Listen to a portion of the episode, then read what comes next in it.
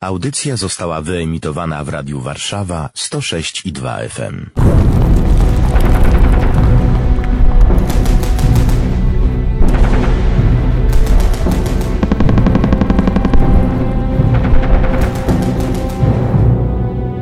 Warszawa pamięta!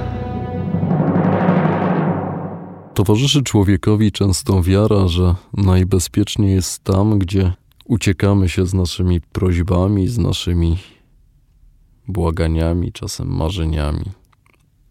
Myślę o kościołach w tym momencie. A zacznę od krakowskiego przedmieścia. Kościół seminaryjny świętego Józefa Oblubieńca. Jest tam dziś obraz Matki Bożej Dobrej Śmierci. Obraz powojenny, kopia zresztą wykonana dwukrotnie, bo ta pierwsza nie była udana. Mimo, że całe wnętrze kościoła przetrwało, powstanie warszawskie, kościół właściwie przetrwał je w stanie nienaruszonym, to ten jeden obraz został utracony. A to dlatego, że został przeniesiony w inne miejsce, bo było przekonanie, że właśnie w kościele zostanie stracony. Tak się nie stało. Ale zupełnie inne losy spotkały dwa kościoły nowomiejskie Dominikanów i sióstr Sakramentek. U Dominikanów urządzono szpital polowy. To tam znalazła się figura cudownego Jezusa z kaplicy Baryczków, którą podobno błogosławił kapelan, biorąc Pana Jezusa z drzewa lipowego za rannego powstańca. I tam w podziemiach tego kościoła, podobnie jak w podziemiach kościoła sióstry Sakramentek, schronienie znaleźli ranni powstańcy i cywile. I szacuje się, i o tym zaświadczają inskrypcje na tablicach w jednym i drugim kościele, że zarówno u Dominikanów, jak i u Sakramentek schroniło się po tysiąc osób.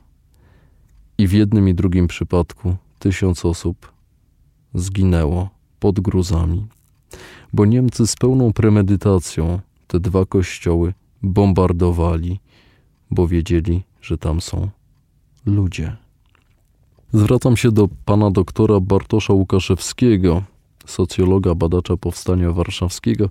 Panie doktorze, nie wiemy tak naprawdę, czy tysiąc osób, czy więcej, czy mniej. W obu kościołach to już dwa tysiące. To są bezimienne ofiary. Mieszkańcy Starego Miasta być może. Prawie nic o nich nie wiemy. Pewnie funkcjonują w pamięci jako ci zaginieni bez wieści. Jak z perspektywy socjologii wygląda taka pamięć-niepamięć? Socjologia operuje przede wszystkim, jeśli chodzi o subdyscyplinę zwaną socjologią pamięci zbiorowej, koncepcją trajektorii biografii. A zatem możemy ustalić czyjeś losy, jeśli mamy chociaż poszlaki.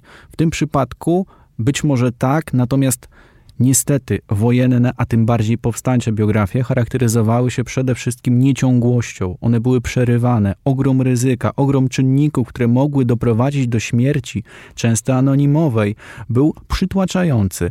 Przecież wywózki, łapanki, przecież różnego rodzaju masakry i jesteśmy w sytuacji, kiedy na terenie Warszawy, na cmentarzu powstańców Warszawy na Woli, nie tylko jeśli chodzi o ofiary rzezi Woli, rzezi Ochoty, mamy kilkadziesiąt tysięcy bezimiennych ofiar. A przecież, jeśli gdzieś jechał pociąg, ciało zostało wyrzucone, jeśli ktoś został rozstrzelany, ciało zostało wrzucone do rzeki, do jeziora, do stawu, takich ofiar naprawdę moglibyśmy notować wiele, moglibyśmy tę pamięć przywracać, gdyby żyły rodziny. Często niestety w przypadku bezimiennych e, nie były to sytuacje jedynie polegające na tym, że później rodzina się nie interesowała. Znam wiele rodzin, które się interesują, które starają się docierać, ale poprzez również to, że cała rodzina została zamordowana, albo zginęła, albo nie było już komu przekazywać pamięci. To jest szczególnie ważne, żebyśmy pamiętali właśnie o tych, o których pamiętać jest trudno,